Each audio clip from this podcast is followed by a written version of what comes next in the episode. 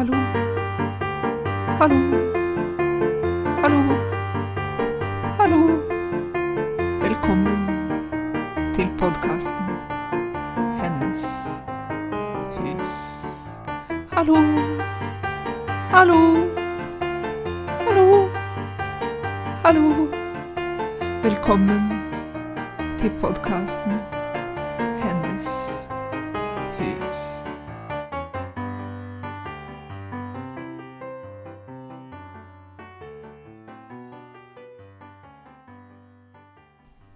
Hallo og velkommen til en ny episode av Hennes hus.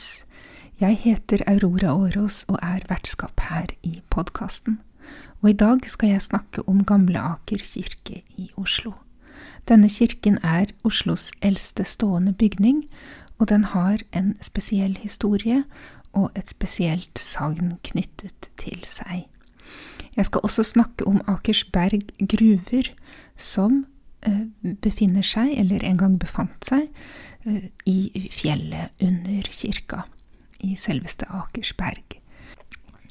Så ja, før jeg går i gang, så vil jeg bare være ærlig om at dette også er en episode som jeg har tatt opp på nytt. Det var en av de første episodene jeg lagde, og så lyttet jeg til den og ble litt forferdet over hvor mye jeg nølte og snublet og sånn, og fant ut at jeg ville ta opp episoden på nytt. Så jeg tar opp dette i mars 2022. Men den kommer til å ligge på samme sted i kronologien av episoder, for ja, det, det er der den hører til, i begynnelsen. Så ja, først vil jeg fortelle litt om Gamle Aker kirkes historie. Den dateres normalt til altså første halvdel av 1100-tallet. Men man regner med at det har stått en kirke her tidligere som ble oppført i Olav Kyrres regjeringstid. Og han var konge fra år 1067 til år 1093. Og denne kirken den nevnes altså i et dokument fra år 1080, så det var i hans regjeringstid. Og der sies det at den er en av seks fylkeskirker for Vingullmark. Og det, det syns jeg er så festlig, for Vingullmark er liksom området rundt Oslofjorden. Sånn cirka Viken, kanskje, som nå er blitt opplyst. Nei, unnskyld, oppløst. Ikke opplyst. Hallo, la oss bli opplyste. Men vingullmark, altså, som vingull, det betegner noe langt og krokete, er også et ord som brukes om øh, hestekuk. Ja, så hestkukmark. Men dette er et sidespor, da. I hvert fall, i 1080 nevnes eh, kirken som en av seks kirker som er eh, fylkeskirke for dette området. Men det eh, regner man med har vært en tidligere kirke. Det kan man på grunnlag av liksom, stilhistoriske trekk si. At eh, den kirken som står der i dag, den er en romans, bygget i romansk rundbuestil som er fra 1100-tallet. Så eh, de fleste regner med at den kirken som det tidligere refereres til da, har vært en trekirke. Og så da, i, i løpet av første halvdel av 1100-tallet, man vet ikke helt nøyaktig når, så uh, regner man med at de begynte å bygge den kirken som står der enda i dag. Og den ble bygget av stein som ble hentet fra et steinbrudd som lå sånn cirka der hvor Vår Frelsers gravlund ligger i dag. Det er jo like ved. Og også fra Hovedøya, faktisk. Fra, fra øyene i Oslofjorden, og særlig Hovedøya. Og dette med Hovedøya skal vi komme tilbake til. Det dukker nemlig opp også i forbindelse med selveste Dragen. Så det er en interessant sammenheng der, kanskje. I hvert fall så denne steinen, da, den var jo ikke hvilken som helst slags stein. Den var nemlig ortoserkalk. Det sier jeg sikkert feil. Ortoserkalk fra ordovisisk tid. Og ordovisisk tid, det er fryktelig gammelt. Det er ca. 485,5 til 444,8 millioner år tilbake i tid. Og den ordovisiske perioden lå da etter kambrium og før silur. Jeg syns de er så kule, de der geologiske periodene. Men hvordan man liksom klarer å, å tidfeste dette så nøyaktig, det er også ja, uforståelig for meg, men all ære til geologene som klarer det. Eh, men ordovisisk tid da var en, generelt en tid med mye oppblomstring av liv, og særlig oppblomstring av blekksprutarter. Det var mye blekksprut i havet, og steinen er derfor full av blekksprutfossiler. Og ortoser, da, er eh, en type blekksprut som eh, Ortoseras heter den. Korriger gjerne min latin. Den er dårlig. Ortoseras. En liten, primitiv blekksprut med et langstrakt, svakt kjegleformet skall er det. Og disse fossilene av ortoseras, da, de kan man den dag i dag se i veggen på kirken. Så, så det I veggene på kirkene. Det er jo veldig, veldig kult. Så jeg kaller den for Blekksprutkirka, blant mange navn. Dragekirka, men også Blekksprutkirka. Og, og, i det hele tatt så er det mye eh, litt sånn lange ja, reptilaktige skapninger forbundet med kirken. Fordi du har jo disse blekksprutene da i, i veggen, selvfølgelig. Og så har du en annen skapning i veggen, som riktignok er en uthugget figur. Men det er selveste Midgardsormen. Den er hugget inn i veggen på utsiden av eh, det ene sidekapellet, det såkalte Mariakapellet. Det blir vel eh, liggende mot nord, hvis jeg ikke tar feil, av himmelretningene. Men eh, det, det, representerer da et sjeldent uttrykk for hvordan uh, førkristen mytologi ble, ble, brukt i et nytt uh, kristent verdensbilde. Så, så der Ja, der ligger han og biter seg selv i halen rundt sidekapellet, og veggene er fulle av ordovisiske blekkspruter. Så, så, det er de liksom lange, lange skapningene. litt reptilaktige. Og så har du da selveste dragen. Og dragen skal jeg om kort tid komme tilbake til. Men først så vil jeg bare fortelle kort om kirkens historie eh, framover, fra 1100-tallet og til i dag. Den tilhørte Nonneseter kloster fra 1186. Det var jo en tid da på 1100-tallet hvor veldig mye av det som nå er Oslo, og som var Aker, ble eh, lagt under eh, klostrene på Hovedøya og Nonneseter særlig. Og ja, så der var den da, eh, helt fram til i år 1587. Da var jo reformasjonen hadde skjedd, og den ble da underlagt Akershus slottskirke. Og så, i 1723, så ble den overført til privat eie, og det var den fram til 1849. Og den forfalt i løpet av den perioden så mye at mot slutten av den første halvdelen av 1800-tallet eh, så vurderte man rett og slett å rive den. Men i 1849 altså, så ble den overtatt av Aker kommune, og det reddet den. Den ble kraftig restaurert i årene 1855 til 1861, og den fikk da det store firkantede tårnet som den har i dag, som er ganske sånn framtredende. Så det er altså ikke originalt. Interiøret ble ikke ferdig restaurert før eh, i 1950 til 1955. Så det er i korte trekk kirkens historie. Kirkegården var i bruk fra middelalderen også. Eh, der er det veldig spesiell stemning. Jeg anbefaler et besøk dit. Um, og en kuriositet kanskje er at uh, sarkofagen til dronning Maud den ble under andre verdenskrig gjemt i, i krypten under kirken for at den ikke skulle bli skadet. Men nå altså over til sagnet om dragen. Fordi det finnes altså et gammelt sagn om eh, kirken, som sier at det er en drage som har tilholdssted i en hule ved foten av Gamle Aker kirke, og der vokter den en skatt. Og i den hulen så er det også det er fire stolper av gull som kirken hviler på, og så er det en liten sjø der små gullender svømmer omkring.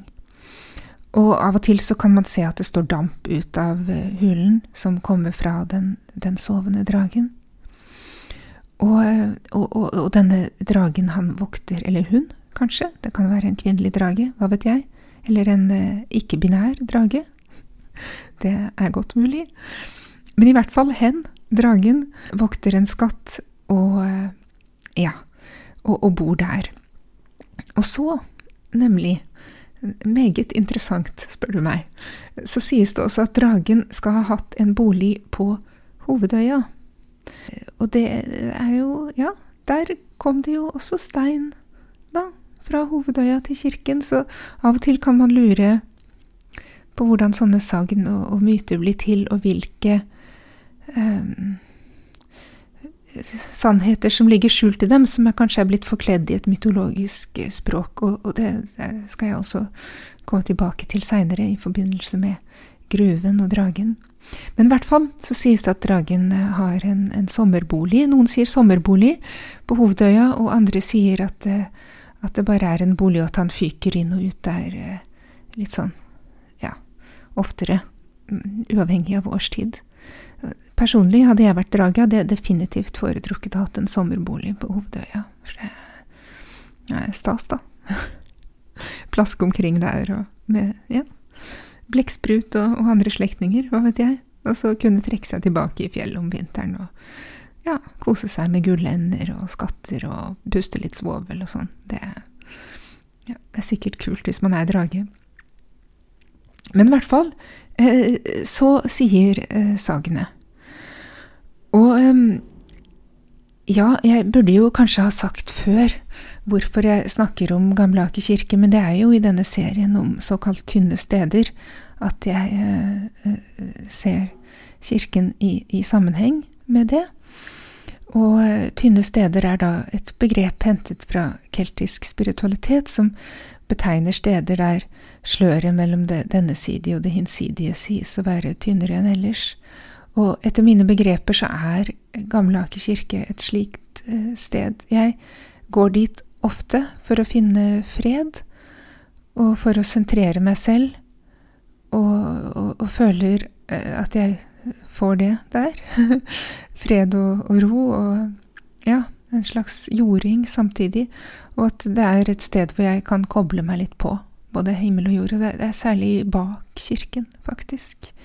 Så det er et lite tips til de av dere som bor i Oslo-området, og som har lyst til å utforske, utforske litt slike steder.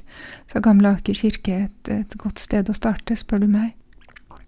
Men i hvert fall, det neste jeg vil snakke om, er eh, de såkalte dragehullene, som de også kalles, nemlig Akersberg gruver, som en gang i tiden befant seg i fjellet der, under Gamle Aker kirke. Og jeg syns det er nesten litt rart at ikke den historien er bedre kjent.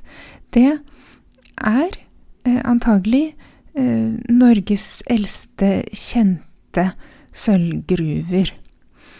Eh, og historien om dem går langt tilbake, antakelig. Det vil si, det finnes et latinsk skrift, en, en slags historie om Norge, som ble eh, utgitt i år 1170. Den heter Historia Norvegia, og der står det blant annet og jeg vil lese dette sitatet på nynorsk, for det nynorske sitatet er så flott. Det er eh, oversatt fra latin, da, av Halvdan Kaat i 1921. Og det går som følger. Likeins er det attmed Oslo, ein stor rikdom på sølv, men ein ofseleg vassflaum har nå stengt han for folk, så han ligger bortgøymt under berghamrane. Ja, så altså, på bokmål. Likeens er det ved byen Oslo en stor rikdom på sølv, men en kraftig vannstrøm har nå stengt den for folk, så den ligger bortgjemt under berghamrene. Det heter jo faktisk Hammersberg der eh, også. Det er eh, like det blir vel like sør for kirken, da, heter det Hammersberg. Men det er så. Så altså, dette ble skrevet i år 1170, at uh, der det, var det en stor rikdom på sølv, men det har vært en flom, så den er avstengt. Og det er flere som mener at det Så Gamle Aker kirke og Akersberg nevnes ikke her i historien Norvegia, men mange mener at det må være det stedet det refereres til, og de grunnene til det er flere. Men blant annet så gikk havnivået på den tiden Det lå i hodet, var mye høyere enn det er i dag. Så det For 1000 år siden så gikk det altså helt eh, inn til Nedre Foss. Så det er vel omtrent Altså, det, Foss videregående skole ligger jo eh, der eh, Ja, ved Akerselva, liksom like ved Kiellands plass. Så, så, det vil si at en springflo ville da kunne fylle gruvene med ein ofseleg vassflaum ganske lett. Og i tillegg så er det eh, noen tekniske argumenter som jeg ikke er sikker på om jeg fullt ut forstår, i og med at jeg ikke helt vet hva de innebærer, men jeg skal prøve å forklare det så godt jeg kan. Og, og det er det at Akersberget inneholder noe som kalles for sølvholdig blyglans.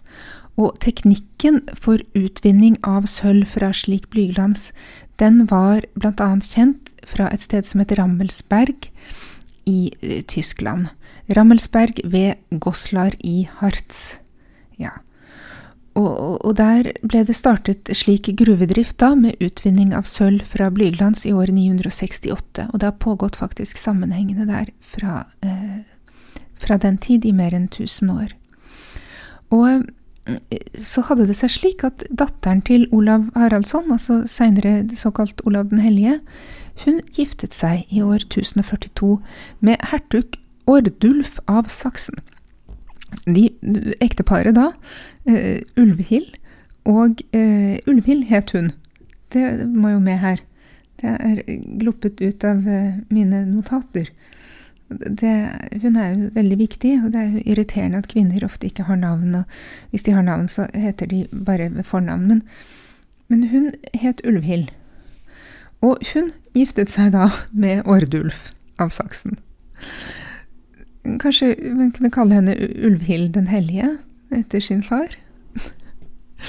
Nei. Ja, uansett. Ulvhild Olavsson? Nei, Olavdatter. Ja. Ja. Anywho, hun giftet seg med Ordulf. Og Ulvhild og Ordulf eh, de eh, var eh, ofte i Oslo, og kunne dermed lett ha tatt med seg altså denne nødvendige bergverksteknologien fra Rammelsberg i Tyskland til, til Oslo. Fordi han Ordulf, da, han eh, hadde sin opprinnelse nemlig fra Rammelsberg, det er jo poenget, og hans slekt stammet derfra. Så ja, teknologien var tilgjengelig, forbindelsene var tilgjengelige, og eh, det kan i tillegg ha vært en slik flom som beskrives i Historia Norvegia, den kan ha funnet sted der i Akersberg. Det er argumentene for at dette kan ha vært eh, det stedet der eh, som, som, beskrives. Og i så fall så er eh, Akersberg Norges eldste sølvgruve, kjente sølvgruveanlegg. Men så har det da altså tydeligvis vært en flom på et tidspunkt, kanskje på 1100-tallet, slik som Historia Norvegia forteller, og da ble gruvene eh, liggende ubrukte. Eh, Eh, ja, i flere hundre år. Eh, inntil på 1500-tallet så ble de eh, satt i drift igjen av tyske bergverksfolk. Eh, de ble drevet av dem i perioden 1520 til 1538. Og sølvet ble da utvunnet rett ved gruva fra eh, blyglans og kobberkis.